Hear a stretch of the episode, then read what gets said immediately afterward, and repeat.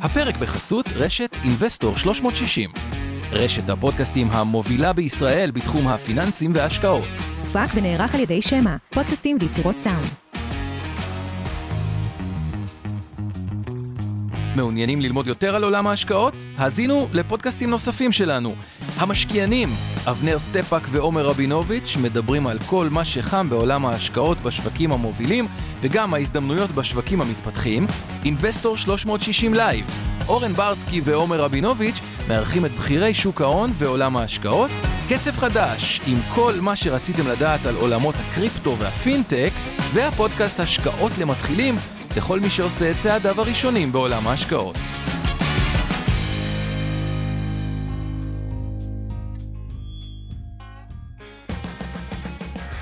המשקיענים.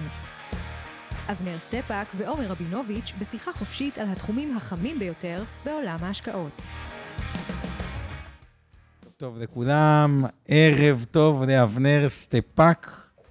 אה, אז, רגע, אז עוד פעם. ערב, ערב טוב, טוב. לכולם, ערב טוב לאבנר סטפאק. ערב טוב, מר עומר רבינוביץ'. אז אה, זה. האמת, אני רוצה להגיד שהיה. פרק, לדעתי, מאוד מאוד חשוב. שסיימנו עכשיו בהשקעות ממש. למתחילים, שהוא... חפשו הוא- אותו, הוא- גם המתקדמים שביניכם. כן. התעסקנו היום במיסוי של נדל"ן, נדל"ן. מיסוי של שוק ההון. עכשיו, לא סתם מיסוי של נדל"ן, מיסוי של נדל"ן בהרבה רבדים. אני אולי אתן רק את ה... ממש את כן, בוא ה-highlights. תעשה סיכום קצר ככה. של אז מה קודם כל תחפשו, זה- זה-. זה באמת פודקאסט שיצא מאוד מאוד חשוב. בהשקעות למתחילים, אה, על פרק של אה, מיסוי נדל"ן ושוק ההון, לאו דווקא בסוף שנה, ואני רוצה לתת רגע את ה-highlights, כי זה הרבה שיחות שנתקלתי ברצף מהרבה מאוד, גם הורים וגם ילדים, בהקשר של הנדל"ן ושוק ההון, אבל אני רוצה לתת רגע את ה-highlight בנדל"ן, איזשהו תכנון. אז כל מי שפה, יש לו ילד, שהוא בין גיל 25 עד גיל 40 עכשיו, שייקח איזה דף ועט וירשום כמה טיפים, שכנראה יחסכו לילד שלכם כמה מאות אלפי אה, אה, שקלים, זה לתפיסת אה, אה, אה, עולמי.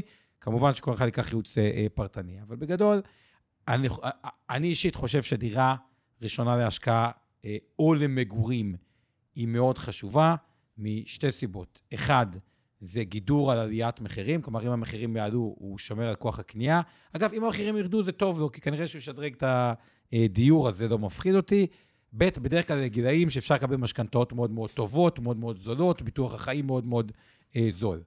למה אני מדגיש את כל הדבר הזה? כי זה הרבה חושב, אני חושב שהרבה מאוד אנשים אה, מסכימים. אממה, איפה מתחילה הטעות, אוקיי? וזה היה האמת, שקונים את הדירה השנייה להשקעה. ופה רק הדגש שנתתי ב, עם אבנר בפודקאסט הראשון, זה שקניתם דירה ראשונה, אל תקנו עוד דירה להשקעה. קודם כל, בינתיים אפשר להשקיע את הכסף במניות או בהשקעות, לצבור עוד הון. תחכו שיש לכם סכום מספיק גדול, שאתם יכולים למכור את הדירה הראשונה. אתם תבריחו, גם לא היה לכם מס רכישה לדירה הראשונה, גם תבריחו את כל הרווח שלכם עם פטור ממס שבח, בהנחה שיהיה רווח, אוקיי? ואז אתם יכולים זו לקנות הדירה את... היחידה שלכם אתם והראשונה יכולים שאתם לקנות את כן. דירת המגורים הקבועה שלכם, ועוד פעם תהנו ממס רכישה מופחת, כי זה תהיה דירה יחידה. אני מזכיר, הברחנו את כל המס אה, אה, שבח. אם היה רווח. אם היה רווח, הרווחת. ואז אפשר לחשוב מחדש, שיקולי כן, לא דירה להשקעה, אם דירה להשקעה, כן. לפחות יהיה על 5,090 פטור ממס.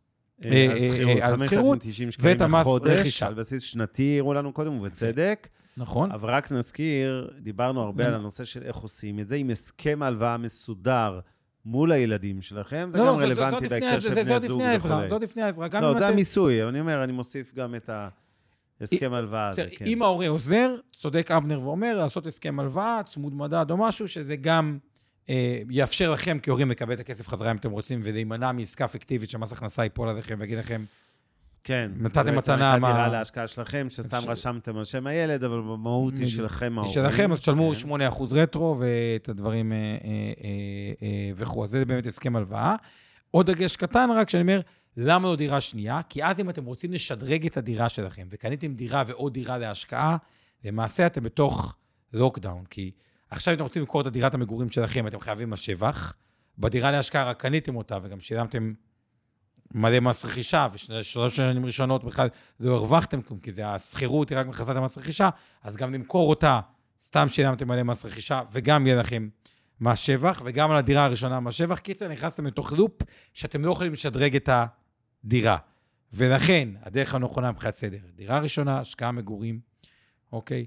לחכות שהן השקעות, לחכות שהן מספיק כסף, זה מצב משפחתי, אתם יודעים כמה ילדים, איפה אתם רוצים לגור, דירת קבע, ממשיכים עם השקעות, okay. ואז זה, סוגיה הזאת. אם הורה עוזר לילד, כמו שאבנר אמר, עם הסכם הלוואה, צמוד למדד או משהו כזה, עוזר גם לענייני פרדויות, דברים כאלה, וגם לענייני, אה, פשוט שתוכלו לקבל את הכסף חזרה, בלי שמס הכנסה ייפול עליכם, ולשאירו כן. קצת רווח לילד. עכשיו בואו בוא נדבר על מיסוי שוק ההון. דיברנו על זה של אה, רוב המשקיעים שלנו, רוב הצופים והמאזינים שלנו אה, הרוויחו ברוב המניות שלהם, לפחות על הנייר, מורווחים כרגע.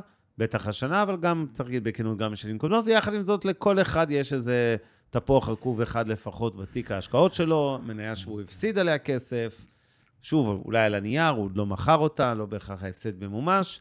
אנחנו מזכירים שמס הכנסה אה, נקבע בישראל על רווחים והפסדים ממומשים בפועל, כלומר, כל עוד לא מכרתם את הנייר עם הרווח הזה, עוד לא שילמתם עליו מס, ומצד שני, כל עוד לא מכרתם אותה מניה שהפסדתם עליה, לא, לא יכולתם לקזז את ההפסד הזה לצרכי מס. אז מה אנחנו יפה. רוצים בעשרת אה, ימי התשובה הקרובים? יפה. אז לפני עשרת ימי התשובה, רק עוד דגש מאוד מאוד חשוב שכאילו מדגיש, כל מי שיש לו עוסק מורשה, קודם כל, להרוויח כסף, להפסיד כסף זה יכול מס הטוב ביותר, אבל אנחנו לא בעד... אנחנו מעדיפים להרוויח, כן. להרוויח כל מי שיש לו עוסק מורשה, עוסק פטור. מראש, אין מה לקזז, אין מה להתעסק בעשרה ימים האחרונים, אם פעלתם נכון, תחת IRA, כי מי שעוסק מורשה, עוסק פטור, יכול להפקיד לקרן השתלמות מעבר לתקרה, ואז מראש אין מס, מכרתם מניה אין מס, קיבלתם דיבידנד מס. כי זה כסף ב-IRA, כן, אבל מי שלא שם ב-IRA. ומי שגילאי 50 פלוס, או 60 פלוס, 55, או הרבה סיבות נוספות. תיקון 190. תיקון 190 IRA, והייתה פה שאלה טובה, אם מי שגם עוסק מורשה, במתחילים, תראו איזה שאלה יפה, מי שגם עוסק מורשה, עוסק פטור, ואני גם יכול לעשות תיקון 190, מה, מה עדיף?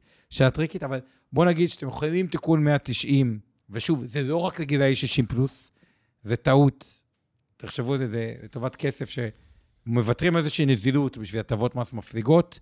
אפשר תיקון 190 ב-IRA, ועכשיו אנחנו מדברים על עשרת ימי התשובה, או האחרונים, או איך שתקרא לזה, למי שאינו עוסק מורשה, עוסק פטור, שהיה צריך לעשות דרך ה-IRA. לא מתאים לו תיקון 190, למרות שתיקון 190 מתאים למגוון הרבה יותר רחב של אנשים ממה שחושבים, ונשארנו עם הטריידים והכסף בבנק.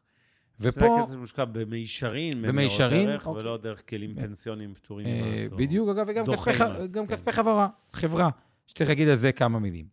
אז לגבי הכסף הזה, צאו מתוך נקודת ההנחה ששילמתם מס. כנראה, כנראה סטטיסטית, שמכרתם מניות כאלה ואחרות ברווחים, תוך כדי אה, אה, שמכרתם מניות תוך כדי אה, השנה, וכבר שילמתי מס. או שקיבלתם דיבידנדים ממניות ישראליות, החזקתי איזה מניית דיבידנד ישראלית, וקיבלתי, ושילמתי מס, כי בדיבידנד משלמים מס, או קופון שילמתי מס. כלומר, נקודת המוצא שלכם צריכה להיות ששילמתם מס. יש גם מחשבון בחלק מהבנקים, שמראה לכם כמה מס שילמתם.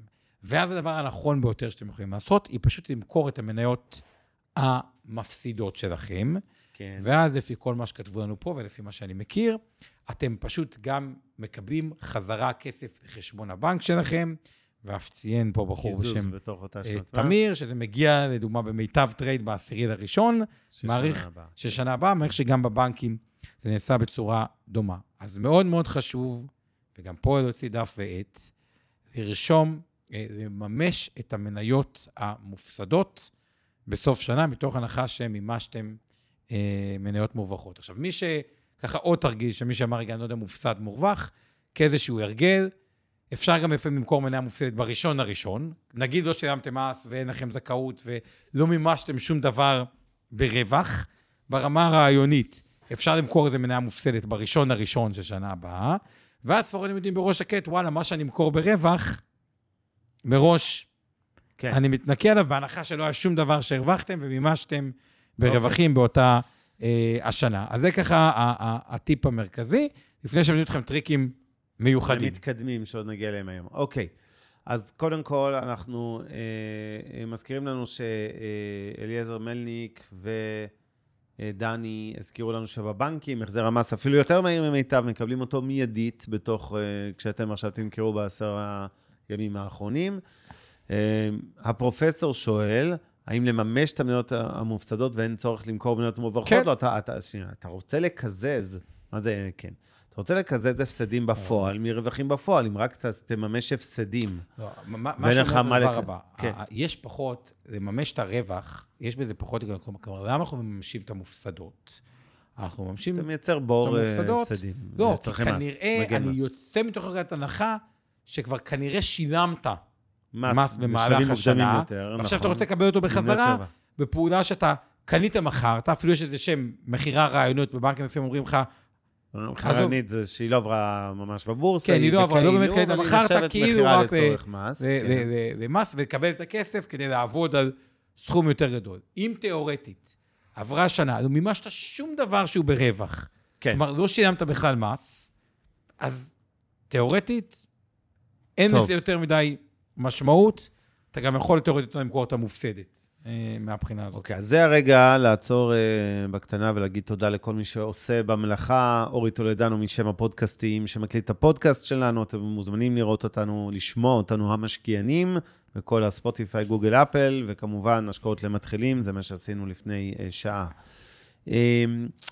ואורן ברסקי, עמי ארבי ואור חלמיש מאינבסטור 360, שעוזרים עם התכנים, עוז גציק שמנתה שידור מהבית, ניל ברנס שעושה תמלול, והאיש שאני הכי אוהב בעולם, איתן גרבר, אה, אגב, גם... שעושה תרגום לשפת הסימנים לקהל, שנורא חשוב לנו שייחשף לתכנים האלה, זה אנשים שהם חרשים ולקויי שמיעה, ולכן אה, אנחנו מקפידים כל שבוע, כבר שנה וחצי, שאיתן ילווה אותנו ויעשה את התרגום הזה. מי ועוד- שצריך, raise your hand, נעביר אתכם לפאנל, ותוכלו לראות אותו מסמן. כל אחד אחר שמסתפק בכתוביות, גם זה, הרבה מאוד חרשים לקויי שמיעה, מעדיפים לראות כתוביות, ולא בהכרח רק אה, תרגום לשפת סימנים. ועוד שתי רגע, תודות, לא, כבר נגיע. כבר לא, תודות. תודות, תודות. אה, בסדר? תלחצו close captions סליחה. בזום, ותראו כתוביות, אלה שצופים בנו ולא מאזינים מהדרך, ועכשיו תתן לא, לנו אז עוד שתי גם בגלל תודות. שבסוף שנה ניתן פה כמה טיפים לניצול הטבות סוף שנה, אחרי שדיברנו על אז לנו- סוף שנה, אז עזרו זה גם דפי צבר מאינבסטור וקרין ויילר מאינבסטור, עם טכנולוגיות פיננסיות דוחות, ומשהו שלא הכרתי, ותשמע, אני כן. כל פעם מתרגש. שאני רגש, רגש אותי. הכרתי, ותומר, מאצלכם ממיטב, חידד לי משהו בהפקדת סוף שנה. תומר שלו, מנהל ה- הידע, כן. כן. לגבי הפקדות. סוף שנה לעצמאים, שתמיד חשבתי שזה 34, הסביר לי למה לא צריך להפריש 34 אלף שקל בסוף שנה, אלא 37, כדי לקבל את כל ההטבות המקסימליות, ומבחינתי זה היה חידוש גדול, אז גם לו אוקיי. אני רוצה להגיד תודה. אחד התותחים הגדולים אי פעם שעבדו אצלי, זה אני יכול להגיד. אה, בגאווה. טוב, אנחנו אה, מניחים שיהיו הערב הרבה מאוד אה, שאלות. אה, אנחנו מזכירים שאנחנו לא עוסקים היום לא בייעוץ פנסיוני, לא שיווק פנסיוני, אה, לא ייעוץ מס, לא תחליף לייעוץ מס ולא תחליף לייעוץ אישי שמותאם לצרכים ונכסים של הפנסיונים שלכם בידי יועץ, יועץ פנסיוני מוסמך, מתכנן פיננסי, מתכנן פנסיוני, סוכן ביטוח, משווק פנסיוני. אה, זה לא המטרה הערב, היא באמת לדבר כן. יותר באופן כללי כן, ולהזכיר דברים, פעולות שצריך לבצע עד סוף שנה. שכנראה יש היגיון רב תחת הייצוא הזה, אבל כנראה יש היגיון רב לעשות ל-99.99% מהאנשים, כי זה הטבות משמעותיות מאוד. אנחנו רוצים לענות לשאלות אה, ראשונות, אוקיי? אנחנו בכוונה היום ממוקדים על זה, זה... אני חושב שאנחנו אפילו נוותר היום על פינת המכפילים באופן חריג. אה, חבר'ה, הבורסה בסדר, לא לדאוג, קצת ירידות דצמבר, יש מושג שנקרא דפקט דצמבר ואפקט ינואר. בטח בשנים שיש גם הרבה מאוד רווחים בין ינואר לנובמבר, אז לפעמים דצמבר הוא טיפה יותר חלש. לא להתרגש, נכון, שום דבר פעם- דרמטי כן, לא קורה שם. והיום השוק עולה באחוז וחצי, אבל נסדק אפילו בשני אחוז. נסדק 2 אחוז, אחרי הירידות של אתמול. חבר'ה, לא להתרגש, אנחנו נחזור לשוק המניות כהרגלנו בקודש כבר בשבוע הבא, ואכן היום ירוק בוהק, זה זמן טוב לדבר על תכנוני מס, ועל פעולות שצריך לבצע בכלל לסוף שנה, לא רק אה, בהקשר של אוקיי, מיסוי. אז- הפקדות, אז בואו נתחיל רגע. אז בוא נתחיל, אה, ופה צריך מצגת, כי פה כן... אז כבר נעלה אה, את המצגת, בכל זאת כמה שאלות ראשונות ככה כלליות. תזכיר לאנשים בקצרה, כי אנחנו משתמשים בביטוי תיקון 190 וגמל להשקעה הרבה, גם הערב. מה ההבדל ביניהם? מה זה כל אחד?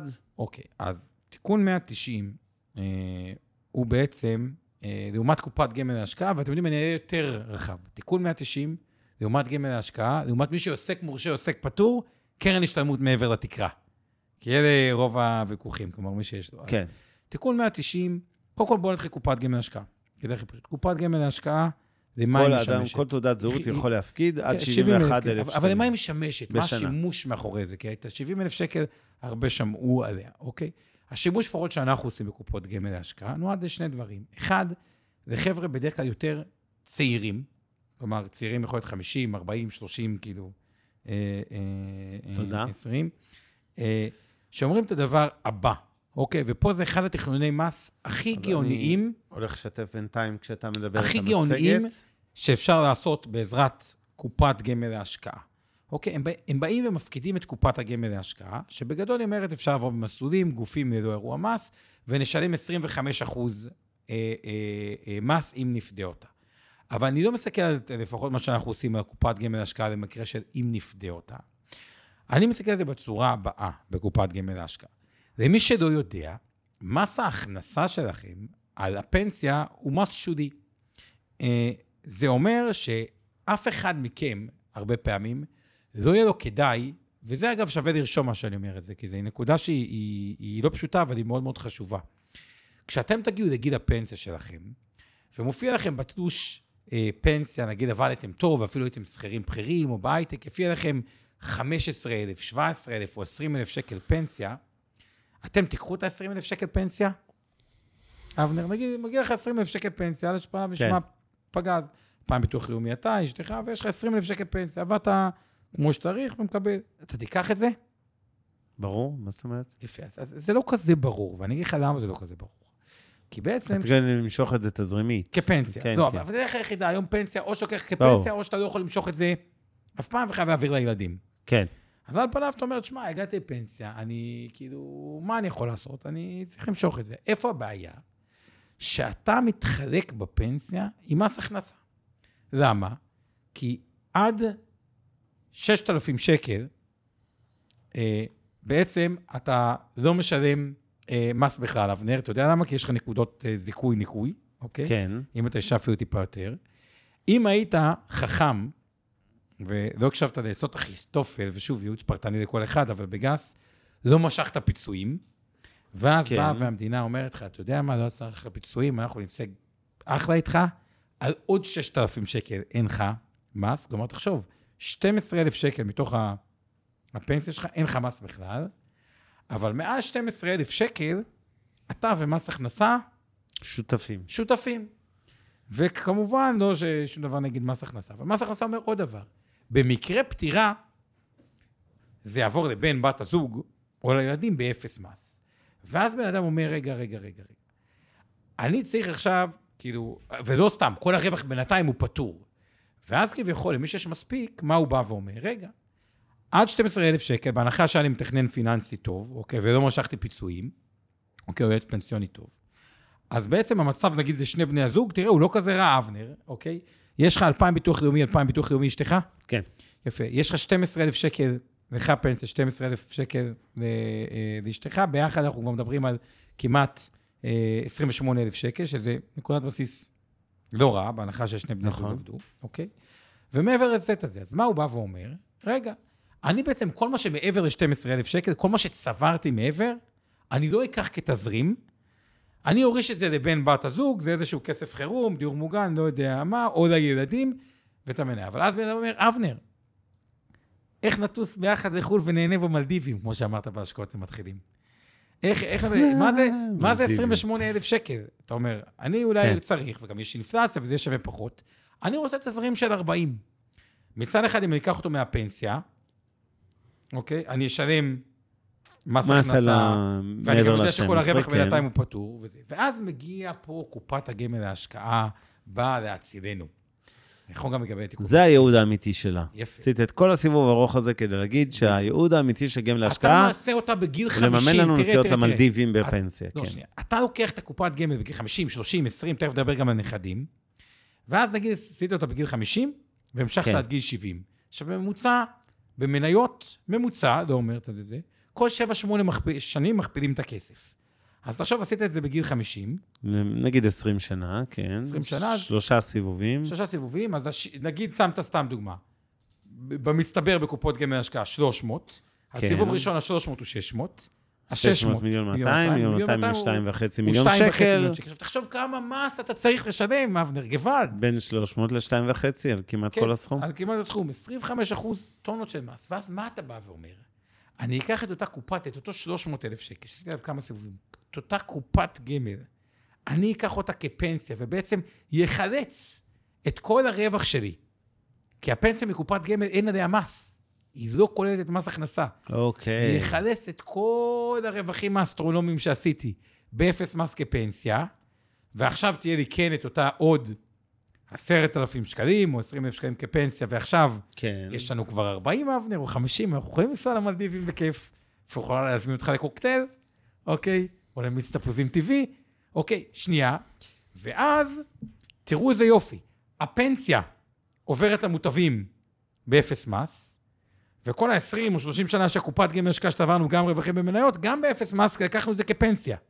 אוקיי, אז כאילו זה המצב שבו אתה בעצם לוקח את הפנסיה לא מהפנסיה, לא מקרן הפנסיה. אתה לוקח עד 12,000 שקל בהנחה שכל מה שאתה בביצועים, אין לך מס, כי כן. פטור סבבה. שיש ו- על הפיצויים אבל פלוס כל הנקודות אה, זיכוי. שכבה נוספת, אם יש לך מספיק כסף, אתה תיקח מהגמל להשקעה. יפה. אתה אוקיי. מבין את הגאונות?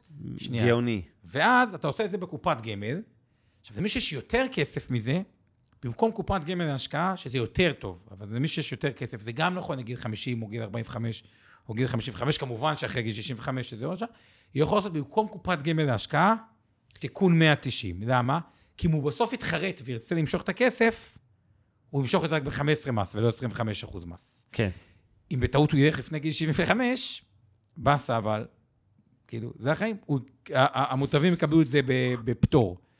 אה, אז עדיף למות צעיר, בקיצור. לא. או בגיל 74 וחצי, או תרביץ 95. אני תמיד אוקיי. אומר, ללקוחות, אל תהיו מעצבנים, לא 75 וחצי. זה הכי מעצבן. אוקיי. כלומר, קבלו החלטה, לקונה. 95 או 74 וחצי. קיצר, אז, אז, אז זה הסיבוב המלא, ואיך אתה משקיע כל חייך בשוק ההון, כמעט ללא מס. טוב. ו... יש לנו חומר טוב, כבד, אני מציע שנחזור קצת. למצגת. אתה רוצה עוד מילה לגבי קופת גמל אה, להשקעה לנכדים?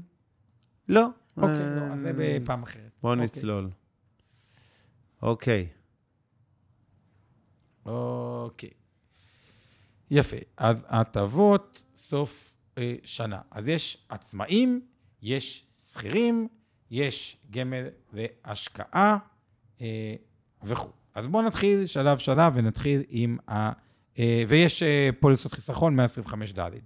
כן. אז בואו נתחיל מעצמאים. אה, ועצמאים אה, מקבלים הטבה שכואב הלב אה, לא לנצל אותה בסוף השנה. אז איזה הטבה הם מקבלים, אוקיי? אז אם הם, בהנחה שהם הכניסו יותר מ-208,000 שקלים, הם יכולים להפריש 16.5% מזה, 16. 16 וחצי אחוזים, כלומר 34 אלף אה, אה, שקלים, 452. נקודה שהראו לי גם תומר וגם קארין אה, מאינבסטור וגם אה, אה, תומר ממיטב, אה, שכדי למקסם עוד יותר את ההטבה הזאתי, אני לא נכנס לטכני למה עכשיו, אני רק אומר לכם מה שנאמר לי, נתון. אוקיי? אפשר להפקיד עוד 3,000, כלומר, סך הכל 37,000 37 אלף שקלים. אה, קחו את זה עכשיו כאקסיומה, כי שמעתי, בואו לא ניכנס ללמה. אוקיי. עכשיו, מה ההטבה הזאת נותנת? היא נותנת לנו אה, בעצם אה, הטבה בגובה 14,815. לא אכנס לקטע הטכני, 35 אחוז כפול 5 וחצי אה, אה, כן, יש ניכוי פה את וזיכוי החישוב על ודברים המסך, כאלה. מי שרוצה מוזמן לצלם, דבר- בשורה התחתונה זה בסופו כמעט של דבר, 15,000 שקלים. הפקדתם 34,452, אם לא הייתם מפקידים, נטו היה נשאר לכם ביד אה, 20,000 אה, אה, שקלים, ואם כן הפקדתם, סך הכל יש לכם 34,000, כי קיבלתם את אותה הטבה, שזה תשואה של 50 אחוז ביום. אז תשואה של 50 אחוז ביום, אה, אה, לא, יותר, 14 עד 20 אלף, כאילו, היה נשאר לכם 20 אלף, אפילו יותר. אה, אוקיי, כן, כן, כן. כן, קיצר, הטבה מאוד גדולה. ואז כן. אומרים לי, רגע, עומר, איך אני יודע שמנהלים עם הפנסיה כמו שצריך? לא סומכים על הפנסיה, אגב, שהיא בטופ של העולם, הפנסיה מנוהלת הפנסיה הישראלית לפי מחקרים. תשימו מסלול מחכה S&P. אומרים לי, לא, אני אקח, אני אשים מחכה S&P. תשים S&P בקופת גמל, רק תקבל S&P פלוס את ה-14,000 שקלים, במקום שיקחו אה, מס הכנסה. אוקיי. מה אה, עושה עצמאי. שהוא גם שכיר? יש הרבה כאלה שהם בכובע כפול. אה, אוקיי, אז לא, כמובן אי אפשר לנצל את זה אה, אה, פעמיים, אה, אז עושים כביכול על ההפרש. אה, כלומר, אה, מפחיתים את השכר המתקבל מעבודה כשכיר מהתקרה. קיצר, את ההפרש. אה, אוקיי, בואו נמשיך הלאה. הלאה. קופת גמל עצמאית לשכיר מוטב שמפקיד על שכר לא פנסיוני. אוקיי, אוקיי. זה רגע איזשהו... שכירים שיש להם שכר אה, שהוא גבוה מהשכר המבוטח הפנסיוני. אז זה, זה הם קצת עושים? ביטוי שהוא אה, אה, מפוצץ. רגע, אני אה, אשים את זה. אה, קופת גמל עצמאית, לשכיר מוטב, מפקיד על שכר לא פנסיוני. שזה קצת ביטוי אה, אה, מפוצץ. אז בואו נראה קודם כל במי מדובר. אז מדובר בשכירים. אבנר, תזיז רק את הזה, שנראה את המספרים בדיוק. מדובר בשכירים אה, שיש להם שכר שהוא גבוה יותר מהשכר המבוטח הפנסיוני. כלומר, יש הרבה אנשים שעל הבונוסים לא מקבלים, על הרכב לא מקבלים, כאילו, לא אבל לא. כל מרכיבי השכר אה, הם יש להם. את ההפרשות המלאות, ההפרשות כן. הפנסיוניות, אז אפשר להפקיד אה, עד 16,704 משכר לא מבוטח שנתי, אה, של עד 104,000 אה, שקלים, ומקבלים איזושהי הטבה של 7,200. אה, אז כביכול אפשר עוד 16,700 שקלים כשכיר ולקבל איזושהי אה, הטבה. אה, זה ככה אה, עוד הטבה שיש אותה. כן. אה, אוקיי. אה, מה הדבר הבא? רגע. הבנתי, אז, אז רק בדיוק, תעלה למעלה ובדיוק שואלים אותי, רגע, מה זה שכר הלא מבוטח, או איך אני יודע אם לעשות את זה או לא לעשות את זה, אם אני שכיר, בונוסים, שעות נוספות, גידום שווי שימוש, דמי הבראה, כל מיני דברים שאתם מפרישים לכם על זה פנסיוני, אתם מפרישים בעצמכם, מקבלים הרבה אה, אה, הטבות. אה, אוקיי, הדבר הבא שיש לנו, זה את קופת הגמל אה, להשקעה. אז קודם כל אני מפריד פה בין שני הקהלים. מי שקצת יותר אה, עמיד, נקרא לו, קודם כל מוצר מקסים, אבל אני רק אומר בסוגריים, מי שיותר עמיד ויש לו רזרבות יותר גדולות, יש סיכוי טוב שתיקון 190 עדיף מקופת גמל להשקעה.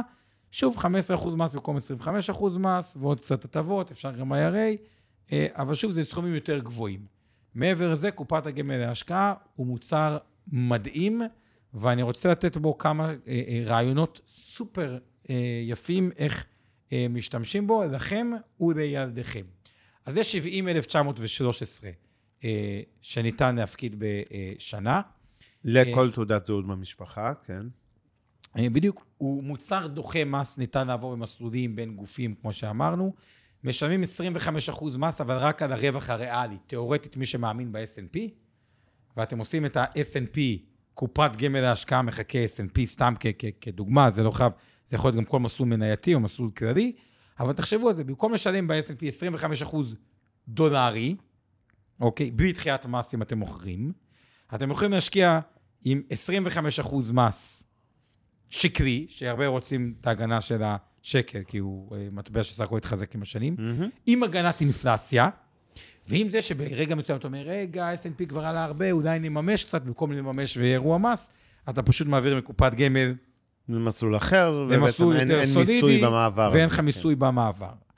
עכשיו, הרבה שואלים אותי, אז, אז זה ככה לגבי הדבר הזה. ואז חוזרים לאותו תרגיל גאוני, שאנחנו ככה באינבסטור ממש פיתחנו ושכללנו אותו, שעשינו ממש לופ, איך אני משקיע כל חיי בשוק ההון, אה, כביכול אה, כמעט ללא מס ברמה המשפחתית. אז אני מזכיר את התרגיל, את הפנסיה שלנו. אנחנו יודעים ש... אה, אנחנו עד 12,000 עד שקל 12,000, אנחנו ניקח. נמשוך מהקרן מה- פנסיה עצמה. בדיוק, כשנגיע לפנסיה. מה שמעבר, אוקיי, זה יהיה בעצם הגנה בין בני זה הזוג, אם מישהו הולך קודם לדיור מוגן, הדברים האלה, אבל זה עובר... תחשבו, מגיל 30 הפרשתי לפנסיה, הגעתי לגיל, כאילו, עד גיל 80 נגיד, 85, 55 שנה, אתם עשו נגיד מניות, אין, אין, אין לך מס כל הדרך, וזה עובר למוטב פטור בין בת הזוג, זה גם הגנה על אה, בני הזוג לגיל יותר מבוגר, אבל אתה רוצה יותר עוד פעם את התשואה, אז בקופת גמל להשקעה לוקחים אותה כתזרים, ואם עשיתי אותם מגיל 30, 40, 50, והלכתי לפנסיה, את כל הכסף הברחתי.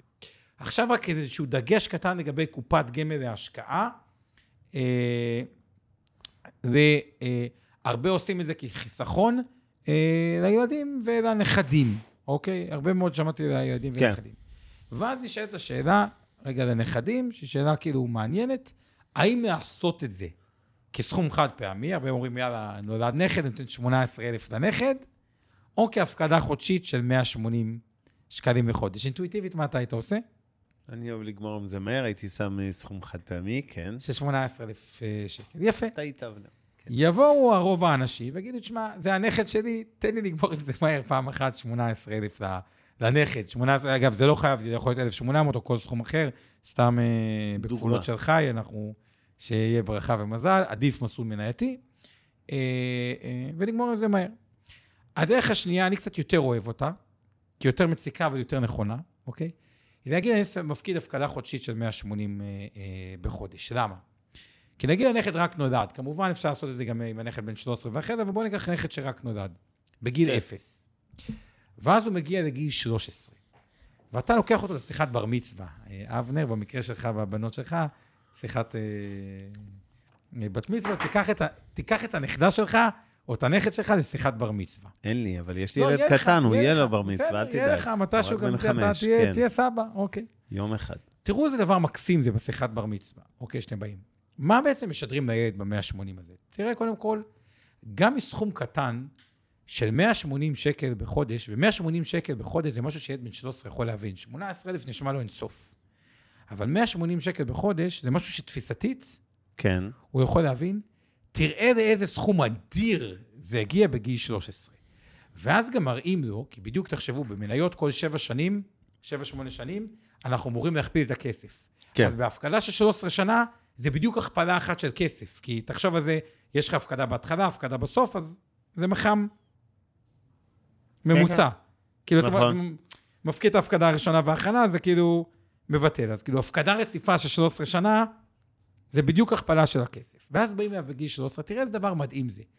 קודם כל, 180 בחודש, כפוי 12, אנחנו מדברים פה על 2,000 שקל בערך שנה, בשנה, כן. גרוסו מודו, אה, אה, טיפה יותר, כפול 13 שנים, זה 26,000 שקל, ואז אומרים לו, תראה איזה יופי. מ- ה- ה- זה שהתעקשנו והפקדנו לך כל חודש, גם 180 שקל לאורך זמן, הוא מגיע לסכום גדול של 26,000 שקל, אבל זה לא יהיה 26,000 שקל, זה יהיה 52,000 שתיים אלף. שקל אה, בגלל תשואה. כן. ואז מה המסרים שאנחנו מסבירים לנכד? אחד, התמדה משתלמת. משתלמת. שתיים, כוחו של ריבית דריבית, במשהו שיכול להבין. אני חושב שזה מקסים וזו מתנה מקסימה. אוקיי, מתנה לחיים. ככה כן. מתנה לחיים, פתח סוגריים, סגור סוגריים. אז זה לגבי הקופת גמל. אה, אה, ועוד דבר, אחרון, גם מסבירים לו, וזה דבר מדהים, יכול להיות שהילד, כביכול אף אחד לא חושב שהנכד ייקח את זה כפנסיה, אוקיי? כי מי ברור. חושב על זה? אבל יכול להיות מאוד, שבסוף הוא יגיע לגיל 30 הקופת גמל הזאת או משהו כזה, ואז הוא בעצמו יבין שבעצם הקופה הקטנה הזו שחסכו לו, אם את הדירה הוא יעזר מההורים במקום אחר, וכל מיני דברים במקום אחר, בעצם שאם הוא ממשיך עם זה, הוא יכול לחלץ את כל הסכומי עתק האלה שהוא צבר כל החיים, באפס מס, כן. דרך פנסיה, כלומר מגיל 0 עד גיל 67, בדיוק כמו שפעם חסכו בקופות גמל השקעה 15 שנה, ואז בן אדם אמר, טוב, מ-15 שנה, אם אתה מחכה 15 שנה, אז אין לך יותר כן. אה, רווחון, ואמרו, מי יחכה 15 שנה וזה, בפועל אנשים חיכו 15 שנה, ואז אמרו, רגע, זה פטור ממס, הם ממשיכים עם זה. כלומר, אז זה שהוא, זה רעיון אה, אה, מאוד אה, אה, אה, נחמד. אה, יש פה איזה, אה, את הקופת גמל מבחינה מספרית, אבל רק כדי להראות את זה כדוגמה, גיל 35 עד גיל... אה, אוקיי, בסדר, דיברנו על זה מספיק, או להמשיך או לתת את הדוגמה המספרית הזאת? לא, לא, בוא נמשיך. אוקיי. כן. קרן השתלמות לעצמאים. קודם כל, יש את מה שעל כל עצמאי חובה להפקיד. שהוא 18,480. עכשיו, ישלחו לי רגע רואי החשבון, אוקיי? שהרבה פעמים אומר לבן אדם, רגע, את הטבת מס תפקיד רק על 11 או 13 או 14, עדיף להפקיד 18,480, מהסיבה המאוד פשוטה, שגם אם אין לכם את כל ההטבת מס, זה 7% מתקרת הכנסה שנתית של 263, אתם מקבלים על זה הטבת מס מאוד משמעותית של 5,562, כלומר, מקבלים תשואה מיידית של 43 אחוזים. עוד פעם, הפקענו 18,480, במקום שינקו לנו הרבה מס הכנסה, מנקים לנו הרבה פחות. כלומר, הטבה, במקום שישאר לנו אזור ה-12-13 אלף שקל ביד, אנחנו נשארים עם 18 אלף שקל ביד, כי קיבלנו הטבה מאוד משמעותית של 5,500 שקלים. אבל עזבו רגע את ההטבה. חוץ מההטבה הזאת, ובגלל זה אה, אומרים את להפקיד את ה-7% מתקרת הכנסה שנתית, במקרה הזה של 263 אלף שקל, על כל ה-18,480 הזה, כל הרווח שתצברו הוא פטור ממס. ולכן, גם תאורטית היה לכם עוסק פטור ולא הרווחתם כלום, כלום השנה, או עוסק מורשה, עדיין תפרישו 18,480, כי כל המס רווח הון, אין לכם בעצם מס רווח הון, שזה יתרון, כי כל מכשיר אחר יש לכם מס רווח הון. בנוסף לזה, ואני מזכיר לעצמאים, אפשר להפריש מעבר לתקרה, אפשר להפריש 100,000, וגם היו לקוחות שהפרישו עשרות מיליונים ומיליונים בודדים, כי אני מזכיר, אפשר לעבור במסלולים, בין גופים, בעצמכם, כל זה ללא אירוע מס, IRA או לא IRA, אפשר גם לקחת מילופים יחסית לפעמים זולים. קיצר, קרן השתלמות לעצמאים, אחלה מכשיר עד 18,400, וגם אחלה מכשיר ליותר מזה, ופשוט לעשות את זה, לא עובד לפספס, כי חבל. אוקיי, דבר אחרון וחביב, אחרי שדיברנו על קרן השתלמות לעצמאים, בואו נמשיך הלאה. זה על הנושא של פוליסת חיסכון. כן, הנה. אם אתם ידי לפני 1948, וביחד עם בן גוריון שעשה הכרזת המדינה, הייתם כבר בחיים כשבן גוריון הכריז את המדינה, אז אתם זכאים ל-125 ד' בפוליסת החיסכון, שזה אומר שזוג אפשר לעשות סוג של משיכה רעיונית, כלומר, אתם כאילו מושכים רווחים ומקבלים הטבת מס של על 16,320 רווח, בעצם מקבלים איזשהו פטור ממס, כדי לא להסתבך, בדרך כלל 125 ד' אמור להיות לכם סוכן ביטוח או מתכנן פיננסי, כמו וסטור או כל גוף אחר שאמור להכיר את זה, פשוט לקראת סוף שנה, תפנו אליו ותגידו אם אתם ילדי לפני 1948, ההורים שלכם ילדי לפני 1948, פשוט תנצלנו את 125 ד', הוא אמור לדעת מה אה, לעשות בדיוק, אבל יש איזושהי הטבת מס ששווה כמה אלפי שקלים, והיא לא עוברת משנה לשנה. לא עשיתם, הלך כמה אלפי שקלים, לא נורא, אבל לדעתי נורא, כי כל שקל זה שקל, ו-4,000 שקל זה כמה מסעדות היום עם האינפלציה? נגיד זוג במסעדה טובה. מסעדה טובה זה 3,000 שקל לזוג, סתם, סתם.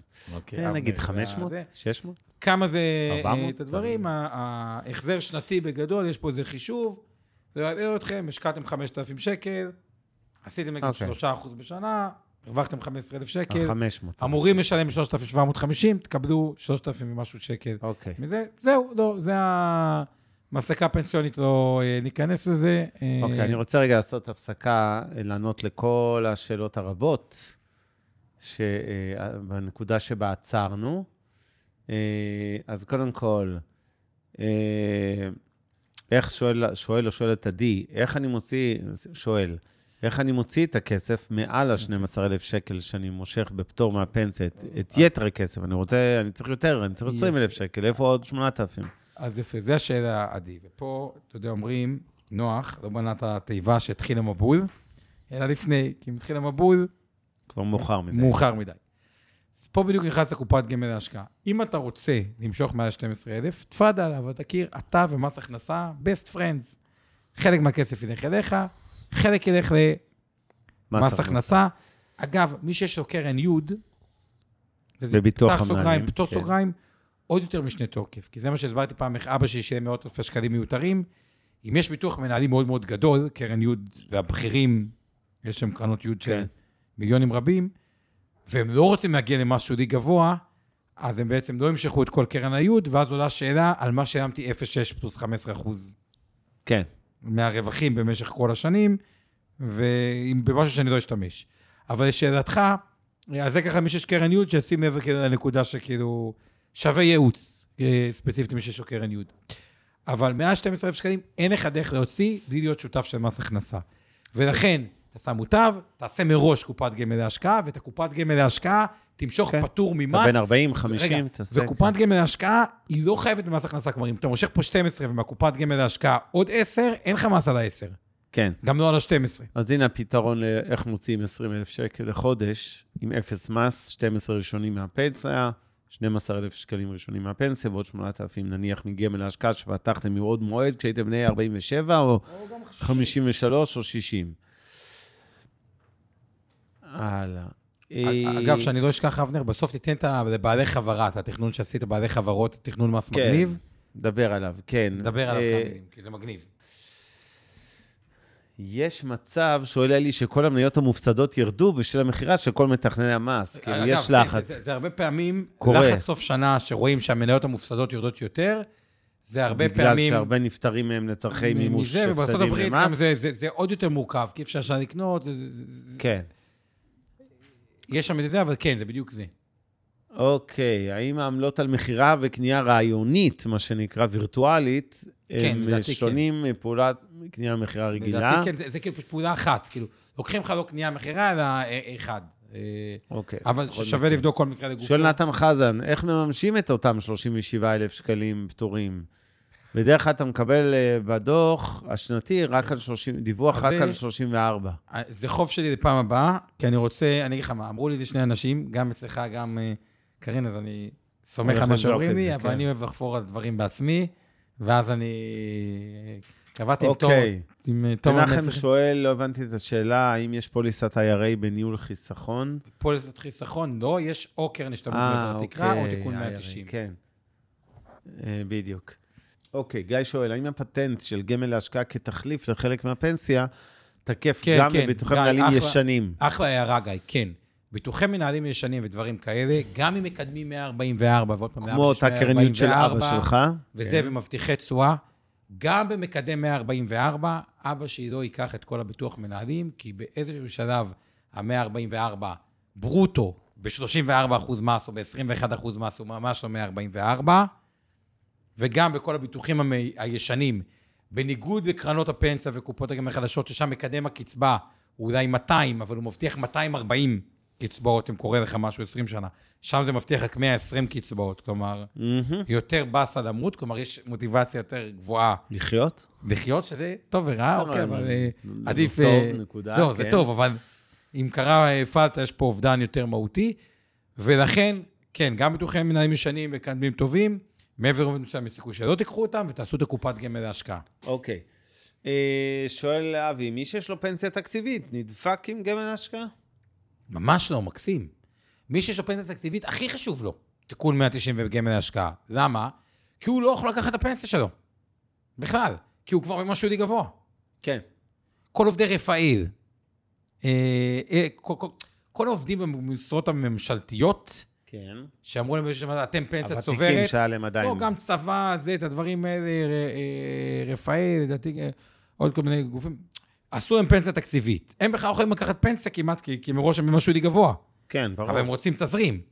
אז הם חייבים לעשות קופת גמל השקעה. בדרך כלל האנשים האלה, מניסיונים, הלקוחות שלנו, בכירים בצבא, אה, אה, רפאלניקים בכירים ודברים כאלה, בדרך כלל אה, תיקון 190 יותר יתאים, אבל קופת גמל השקעה גם יכולה להתאים, כל מקרה אוקיי. לגופו. אה, שואל יוסי, בקופת גמל להשקעה, מי קובע מהי הפנסיה החודשית? יפה, אז הפנסיה החודשית נקבעת בעת היציאה לפנסיה, שאז עוברים בין חברות הביטוח למיניהם, או גופים שיודעים לתת פנסיה, כמו בבתי השקעות, אה, ורואים מי נותן את המקדם או את התנאים הכי אה, אטרקטיביים. אבל בואו, זה בנקודה ספציפית, שבדרך כלל בנקודת היציאה לפנסיה עדיף לקחת אה, אה, ייעוץ. מי שבין 40, אה, לא צריך, להטריד, כאילו, תעשו כן. את זה, אפשר להבריח את כל הכסף מס, אוקיי. ברגע הפנסיה צריך לקחת ייעוץ. פוליסת חיסכון אלינור מהירה, שלא ניתן להעביר בין חברות הביטוח, רק למכור, לשלם מס ועוד פעם להפקיד. מה קורה אם, אה, מה לעשות, נתקענו עם איזה אה, גוף אחרי- פחות מוצלח בתשואות, לכן יש פתרון, שוב, לא ייעוץ, לא כן. שיווק, לא בטיח. Best Invest של הכרעת היישוב מאפשר כן. שלל בתי השקעות שאפשר לעבור ביניהם, זה כאילו באותה פוליסה, ואז זה לא נחשב שצריך לצאת ולמכור ולהפקיד מחדש, זה אלטרנטיבה לחברות הביטוח. נכון, כן. אם כי אני חייב לציין ב-Best Invest, וזה משהו ככה שהיה דיון אצלנו בוועדת השקעות לגבי Best Invest מול פוסט חיסכון של חברות הביטוח. במסלולים הכלליים ב-Best Invest אין השקעות אלטרנטיביות. כי זה דרך בתי השקעות, היה פה השאלה, אז במסלולים מנייתיים יש היגיון ל-Best אוקיי. Invest, מסלולים הכלליים אולי ישירות, עניין גם של נושא של מינופים, מי מה שרוצה. אתה חושב, שואל נתן חזן, על אה, השקעת, אה, גמל להשקעה לנכדים? מקסים, מקסים. למרות- מקסים, ועוד פעם, אמרתי, הדרך הכי טובה לתת לנכדים, אני יותר חושב שהפקדה חודשית יותר נכונה מחד פעמי, נתתי את הסיבות אוקיי. למה, מקסים. האם ניתן לעבור מגמל להשקעה לתיקון 130, לא. 190 ללא אירוע מס? לא, לא לא. ניתן. אה, לירן, לוסטיג, האם אמרתם עד מתי מחזיקים פנסיה וגמל להשקעה? עד מתי כדאי להחזיק את הקרן השתלמות בניהול אישי שלי? בהינתן שזה הכלי המרכזי שלי להשקעות בבורסה, האם אני מעביר אותה באיזשהו שלב מ-IRA לכלי אחר? תודה רבה. אה, קודם כל, אתה עושה בשכל רב, לירן, שאתה מלכתחילה ב-IRA, אה, נקרא לזה, עם רכיב המניות שלך, כי זה המקום להיות בו כשזה פטור ממס, ו... ואז עולה השאלה האם כדאי מתישהו לעשות תיקון 190 IRA או קרן השתלמות IRA, בהנחה שאתה כותב שאתה לא, בקרן מניח השתלמות. שהוא עכשיו בקרן השתלמות ב-IRA, כן. אה, תשמע, זו הסוגיה אולי המורכבת ביותר, עם הכי הרבה בדיונים בתיקון אה, תכנון פיננסי. בגס, למי שזה מתאים לו. גיל, זה הכל, יש פה גם סוגיה של איזה מינוף ונזילות, אבל יש יתרון קל לתיקון 190, הוא בדרך כלל מתבטא בגילים יותר מאוחרים, ובגילים יותר צעירים, קרן השתלמות מעבר לתקרה, כי אתה פשוט לא רוצה לוותר על הנזילות אם אתה... אוקיי, נתן אומר שאם אנחנו פותחים על שם נכדים גמל להשקעה, ההורים צריכים להיות מעורבים, וזה חיסרון. צריך לפתוח על שם ההורים כשהנכד הוא מוטב. למה אי אפשר לפתוח אה, גמל השקעה ישירות על שם הנכד? לא אני הבנתי. נולדה לי בת, כן. וההורים שלי עשו לה גמל להשקעה 18,000 שקל. ישירות.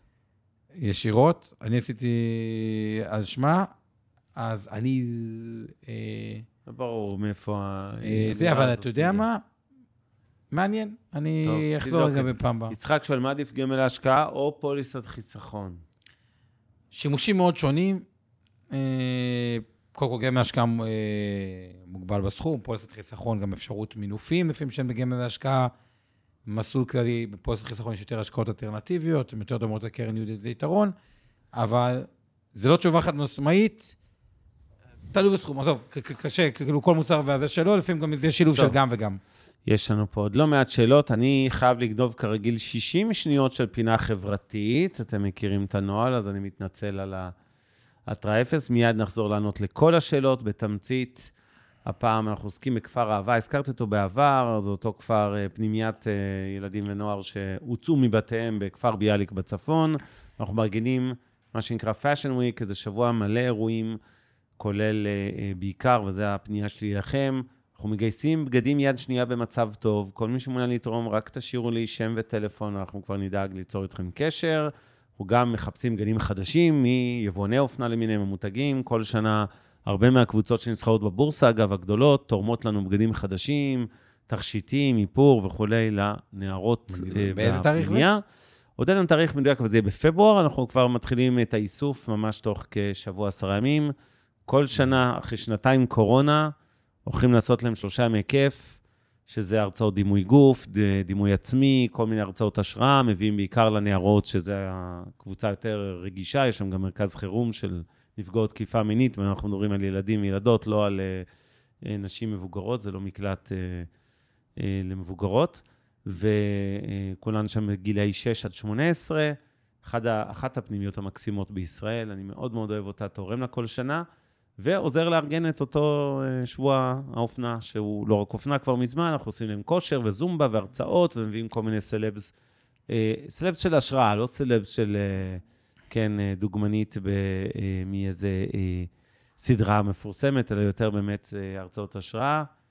אה, וזהו, אז כל מי שמעוניין לתרום בגדים, תאורטית כסף, בגדים חדשים, בגדים משומשים, אבל במצב טוב, אנחנו רוצים שהם ירגישו שהם מקבלים, הם מקבלים כל אחד תקציב ממש של כמה מאות שקלים, הם נכנסים לחנות פיזית.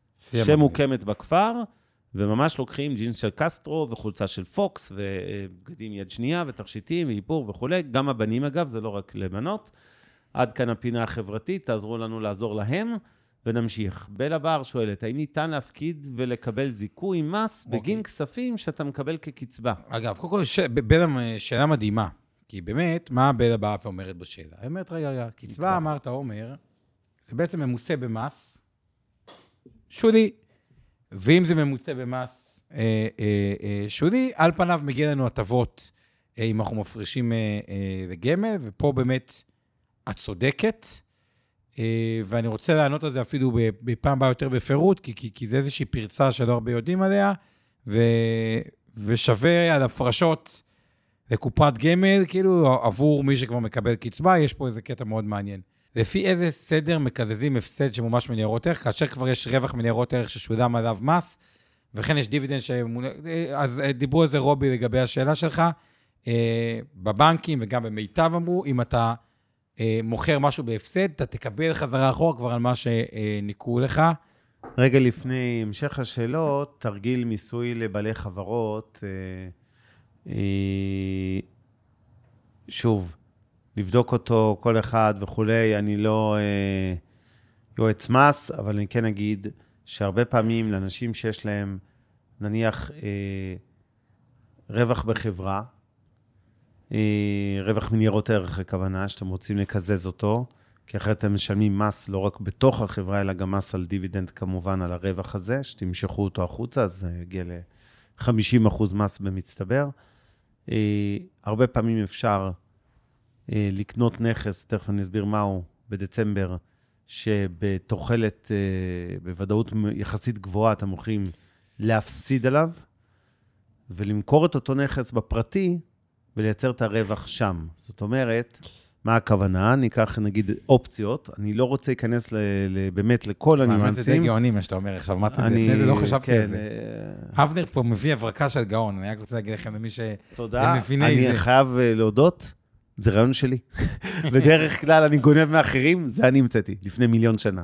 אבל בגדול, נניח ניקח, ניקח אופציות מעוף, אופציות uh, חוזים עתידיים, אופציות כאלה, זה, אתם יכולים לקנות אופציות שהן מחוץ לכסף, מה שנקרא, אוקיי? אופציות שרוב הסיכויים, נניח ניקח אופציות קול על מדד מסוים כזה או אחר שהן מחוץ לכסף, רוב הסיכויים שהם יימחקו לכם, אוקיי? Uh, ואתם תרשמו הפסד בעקבות המחיקה הזאת. אז קניתם אופציות ב-200,000 שקלים, הפסדתם את כל ה-200 או את רובם בחברה, ואז נוצר לכם הפסד לצורך קיזוז רווחים שהיו לכם בחברה. את אותן האופציות בדיוק קניתם באישי. כמובן, לא עסקה מתואמת, לא עשיתם עסקה כי זה פלילי, לא מכרתם בחברה וקניתם באישי back to back, זה אסור.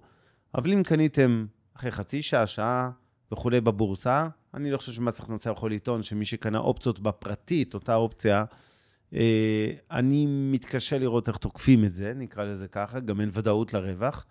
אה, אבל סביר להניח שמה שיקרה סטטיסטית, שהם תפסידו בחברה, ועל אותן אופציות, אגב, לא חייבים לקנות בדיוק את אותה אופציה, אתם יכולים לקנות אופציה מחוץ לכסף עם מחיר מימוש מסוים, סתם אני אמציא X, 20 שקלים, וזה אה, למכור את האופציה הזאת, כן, או הכוונה אה, לקנות אופציות מחוץ לכסף, בקיצור, במחיר X, ולמכור, אה, ובפרטי, לא בחברה, לקנות אופציות אחרות, או לכתוב אופציות, סליחה, לכתוב אופציות, שבצברות מאוד גבוהה אתם תרוויחו.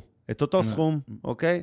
כי זה כמעט back to back, בטח אם זו אותה אופציה. נפשט את זה למשהו שהוא לא כן. באופציות, כאילו, כן. כעיקרון הוא גאוני. נגיד אתם מאוד מאמינים שהשוק יעלה, אוקיי? אז מה שאתם יכולים לעשות, מה שאבנר אומר, זה אתם עושים שורט אה, על ה-S&P בחברה. טוב, אז זה לא... רגע, ואתה רגע, עושה...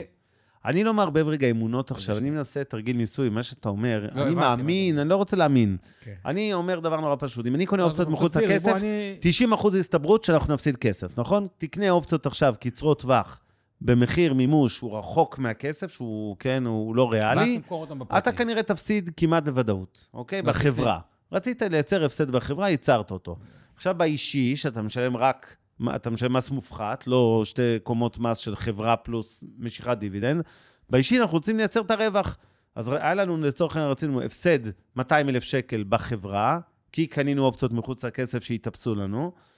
התאפסו, כן, לא יתאפסו, אלא התאפסו אה. לאפס, ואת אותן האופציות בדיוק, או, או במחיר דומה לצורך העניין, כתבנו, מה שנקרא כתיבת האופציות, בחשבון האישי שלנו. שם יצרנו רווח, שעליו אנחנו משלמים בפרטי, מן הסתם מס נמוך יותר, מול ההפסד לא, בחברה. הסכום היה דומה. בשני המקרים. שזה, בגלל שנגיד לאורך זמן השוק המניות עולה, אבל אני לא מדבר על אורך זמן, אני מדבר על השקעה קצרת טווח מאוד, שבועיים, לא... בתרגיל. אה, לפשט את זה, לא את. הקונספט, כדי להסביר אותו בצורה יותר ברורה, כן. כן. האופציות. אני אומר ככה, תחשוב, אני יכול לעשות שורט על ה-S&P בחברה, כן, ולונג בפרטי. כביכול, זה מקזז אחד את השני, כאילו זה בדיוק כן, אותו דבר. אבל כנראה שלאורך זמן, מה יקרה? בפרטי אני ארוויח, נכון, אוקיי. זה- זה תכנון מס ארוך טווח, נקרא לזה, זה לא טריק של סוף שנה, אתה צודק. יפסיד אתה צודק. ויגלגל את הדבר כן. הזה. אגב, אומר- ומדי פעם, פעם בכמה שנים, תהיה לכם שנה, זה לא עבד הטריק אם הזה, כן, לא שלי למה ולא... אני אומר long- long S&P? כי לאורך זמן, גם ככה אתה מחזיק long, בסוף שנה, אתה עושה... אתה יודע מה, אתה יודע אני- אני יודע מה אני אעשה.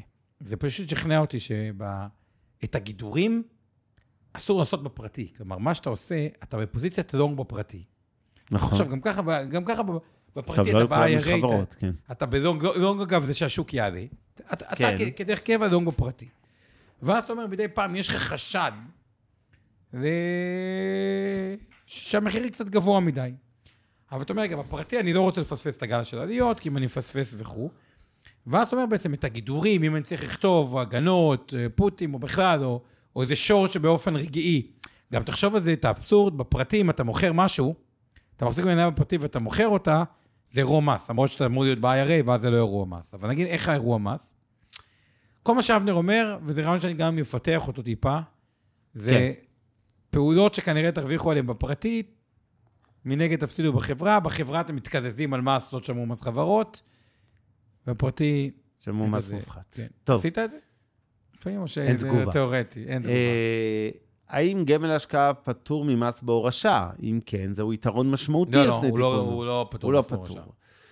אה, בשביל 8,000 שקל פנסיה מקופת גמל, עם מקדם בערך 200, צריך כ-1.6 מיליון שקל. אכן, האם ניתן להעביר קרן השתלמות, ירון הדר שואל, קרן השתלמות של שכיר ל-IRA? לא, אבל גם אין צורך. קרן השימוש של שכיר היא מראש... אה, קרן השימוש של שכיר ל-IRA, אפשר, אפשר. אפשר, זהו, לא הבנתי. כן, כן, אפשר, אפשר. אוקיי. נחזור אליך, ירון. אה, זוהר שואל, האם את ה-34,000 שקל של העצמאים אפשר להפקיד גם בקרן קופת גמל להשקעה? אני מניח שהוא מתכוון... אה, לא, לא, אוקיי. לא, לא, לא, לא, קופ- לא זה- ניתן. זה קופת גמל אחרת, קיבלת הטבות מס, אתה תהיה חייב על זה מס בפרישה, אבל קיבלת אוקיי. הטבת מס. ואז עוד ד- פעם, עד 12,000 שקל מושכים, ומעבר לזה, דן חרס שואל. האם לכל פתיחת קופת גמל 190 יש עצירה של 34,000 שקל לקצבה? אני, אני אחזור לגבי ה-34, לגבי אה, כן, לא בטוח שהבנתי. כמה קופות, אבל בגלל זה, שוב, תיקון 190 הוא יותר להפקדות חד פעמיות, זה מה שאנחנו באינבסטור עושים את זה. אוקיי. המשכורת. שואלים, כן, שואלים אותי לגבי כפר אהבה וכל המבצע הזה, זה גם אה, בנים וגם בנות. שוב, בגדים גילאים? באיכות גבוהה בבקשה, אה, וגילאים הכל מ-6 עד אה, 18, זה מה שיש שם. יש לנו קרוב ל-300, 260 ילדים וילדות בכל הגילאים של 6 עד 18, כל המידות, רזים, מלאים, מלאות, רזות, הכל וכל מה שבאמצע. אל תחסכו, אנחנו גם אה, בכמויות גדולות גם נארגן לוגיסטיקה שתאסוף את זה, בכמויות קטנות אנחנו נבקש להביא את זה למרכזים של מיטב דש פה בצ'מפיון, או יש לנו גם מרכז בצפון, בכפר אהבה עצמו, בכפר ביאליק. אה, לגבי פנסיה תקציבית, שם אי אפשר להחליט כמה למשוך, ומשלמים מס בהתאם אה, לגובה הפנסיה, אז מה הרווח, שואל נתן חזן, מ... בתיקון 190 או בגמל להשקעה? מראש פנסיה תקציבית, נקודת המוצא שלי, שמי שיש פנסיה תקציבית טובה, כבר לא ימשוך שום דבר מפנסיה, אה, אוקיי. מפנסיה רג... צוברת רגילה. ולכן, אם הוא רוצה להגדיל את התזרים הפנסיוני שלו, הוא חייב להשתמש במכשירים כמו תיקון 190 וקופת גמל, שהפנסיה מהם היא לא חייבת במס הכנסה. כלומר, לצורך. העניין, יש לי לקוח שהיה, לצורך העניין, תחשבו על זה כאילו בצבא, או במשטרה, או כל מקום אחר כאלה, כי זה כל חברי הכנסת. אה, ואז כאילו מקבלים בכנסת. עכשיו, שכירים או סתם, עדיין מפרשים פנסיונים, כן, אבל הם כבר לא יקחו את זה בחיים כפנסיה, כי ברור. כבר הפנסיה התקציבית שלהם גבוהה. רוצים יותר פנסיה, זה רק מתיקון 190 קופת גמל השקעה, שיכולים למשוך את זה פטור אחרי זה. אוקיי, האם אפשר, אבישי שואל, לפתוח ישירות על הנכדים בניהול מלא של אני לא הסבא? יודע, לא יודע, נראה לי שלא. אה, ישירות על הנכדים? אה, בניהול מלא של הסבא. בניהול... לא, אתה יכול לבחור בתור הסבא מסלולים. האמת, כל סוגיית הנכדים, הסתקרנתי עכשיו. לא, ול- ולמה לא לשים אותם פשוט כמוטבים? איזה סיבה יש... אה, לא, כי אז אה, מוטבים, יש פה בעיה כן, כן, אחת, אני מבין, כן. שאתה לא... יש פה איזה דלת שאתה פותח לחיסכון מס 70 שנה, אם תעשה את זה עד הנכד. כן, נכון. טוב, שאלה חכמה ופשוטה, שאני מתבייש, שאני לא יודע אינטואיטיבית התשובה, אולי זה עייפות שלי גם. אלינור, מה עדיף להשקעה, פוליסת חיסכון או גמל להשקעה? לא, כל אחד עם אה, גמל השקעה זה עד 70 אלף שקל, פוסט חיסכון אפשר אוקיי. סכומים הרבה יותר גדולים, אפשר מינוף. אבישי, כן. אם יש לי מיליון שקל להשקיע לטווח של עשרה חודשים מה להשקיע, אבישי, אנחנו לא עוסקים בייעוץ השקעות, אני כבר אגיד לך, בעשרה חודשים, לא נעים להגיד, אל תבנה על שום תשואה בשום אפיק, לפעמים אה, אין מצוין ככסף מזומן, גם אפס ריבית, עדיף מלהמר על מה יקרה בדיוק בעשרה חודשים האלה, שתיפול לאיזשהו משבר. אין, אה, אתה יודע, קשה, אין לנו כדור דולח לחזות בעתיד. אה, זה. כשבאג"חים הריבית היא אפסית, ורוב התשואה תגיע או ממניות או מאלטרנטיבי, ואלטרנטיבי אין השקעות לעשרה חודשים, ונשארת רק עם מרכיב המניות, כן, ואף אחד לא יודע להגיד מה יש יקרה עם זה. P2P כזה, תאריך, אה. טוב, אה, זהו, ענינו על כל. השאלות. סליחה, רגע, יש לנו עוד איזה אולי קצת... אבנר, אתה אה, לא טס היום, לא? לא, איזה, מחר. אה, מחר אתה טס? כן. טוב, בוא נראה. אה, רגע, בשלישית אתה לא יכול להפוך אהה. וואו, מי שאין בגדים, בבקשה תפרסם איך אפשר לתרום להם כסף. אתה תחפש בינתיים את האתר של כפר אהבה, אני מניח, אה, תחפש שם אזור תרומות, אני מניח שיש. ומי שמעוניין יכול להשאיר גם הודעה פה, גם בפרטי, אני אדאג לחזור ולברר ולהסביר איך תורמים כסף לכפר אהבה המהמם. אה, חיכיתי שעתיים, דולב, אתה רוצה להעלות שוב את השאלה? מבטיח שאנחנו נענה. בינתיים, רגע, דולב, תשאל, לא תשאל נסגור, אל תדאג לא לסגור דולב, אנחנו נחכה לך, אנחנו רק נגיד את התודות. א', תודה לכם המאזינים שלנו ולצופים אה, שרואים אותנו בזום, אה, או בפייסבוק וכולי, אז תודה שאתם ממשיכים להיות איתנו כל שבוע. אל תשכחו לדרג אותנו בגיק טיים, פודקאסט ההשקעות של אה, ההשקעות למתחילים. זה החצי גמר, הבנתי, אנחנו נצטרך את העזרה שלהם גם עוד שבוע, ננג'ס להם. אוקיי. תמיר ברגר מזכיר שביאטה ברגר, מעניין, היא קשורה אליך, תמיר? היא זאת שהקימה את זה בברלין, מוסד אהבה. זה מקום שהיום כל מי שנוסע לברלין אה, ועושה את הטיול ככה עם מדריכים אה, בכל מיני אה, אתרים יהודיים, אז מוסד אהבה, זו אותה פנימיית אהבה שנמצאת היום בכפר ביאליק, נולדה אה, בברלין אה, לפני יותר מ-100 שנה. ביאטה ברגר שהקימה את זה, ברחה עם 50 ילדים ערב השואה בשנות ה-30, היא העריכה את זה מגיע, ברחה לישראל, הקימה את הכפר הזה, יש לו עוד היסטוריה עם ילדי טהרן בהמשך וכולי, אבל בגדול הקימה את הכפר הזה, והמקום הזה פשוט קיים קרוב ל-100 שנה, ואני מצאתי באי-ביי ערימת אה, אה, מסמכים עתיקים של כפר אהבה, שתרמתי להם, כמובן, קניתי אותם בשבילם, אבל אה, באמת, באמת מקום, יש המון, יש עשרות פנימיות תגיד, אני בישראל. אני הזמן. מכיר את רובן, זה אחת הטובות, ממש ממש ממש, אני מת על המקום הזה, מאוד מאוד אוהב אותו. אם הוא היה יותר קרוב, הייתי הולך לשם כל שבוע להתנדב. אה, וזהו, תודה לאיתן. אני חייב לענות את דולב. אה, אז הנה השאלה של דולב, אז עוד רגע. בינתיים, תודה גם את אה, יוסי, גם המשקיענים ישמחו לפרגון. אה, איתן גרבר, שעושה לנו תרגום לשפת הסימנים, תודה לך, תודה לניל ברנס על התמלול, הכתוביות האלה שאתם רואים, אלה שצופים בנו. תודה לאורי טולדנו משם הפודקאסטים, לעמי ארביב, אור חלמיש ואורן ברסקי מאינבסטור 360 על החומרים, לעוז גצליק שמנהל את השידור מטעם מיטב דש. אורה אריאל, האלופה שלנו עם קבוצת אה, משקיעים בדרך להצלחה כלכלית. לא? לעצמאות כלכלית, הייתי כבר טוב, למדתי, אוף. לא נורא, זה קבוצת פייסבוק מהממת בעולם ההשקעות שמשדרת אותנו ב live. אה, מי עוד פספסנו? שיר פלדמן, האלופה המתמללת שנתנה לניל היום לתמלל, דפי צבא ודפי צברי וקרין ויילר נכון. מאינבסטור. ותומר מיטב. ותומר שלו התותח שלי במיטב דש. שוב מזכירים, אם יש משהו שאתם רוצים עוד. לשאול, שנחזור אליכם, שמישהו יחזור אליכם מטעמנו, אז רק תציינו שם נייד ואת הנושא שאתם רוצים שיחזרו, ונדאג שהאנשים הרלוונטיים, או מאינבסטור או ממיטב דש, שיחזרו אליהם. תודה לכולכם, לילה לילה טוב. מוזמנים להאזין לפודקאסטים נוספים שלנו, המשקיענים, השקעות למתחילים, אינבסטור לייב וכסף חדש. הופק ונערך על ידי שמע, פודקאסטים ויצירות סאונד.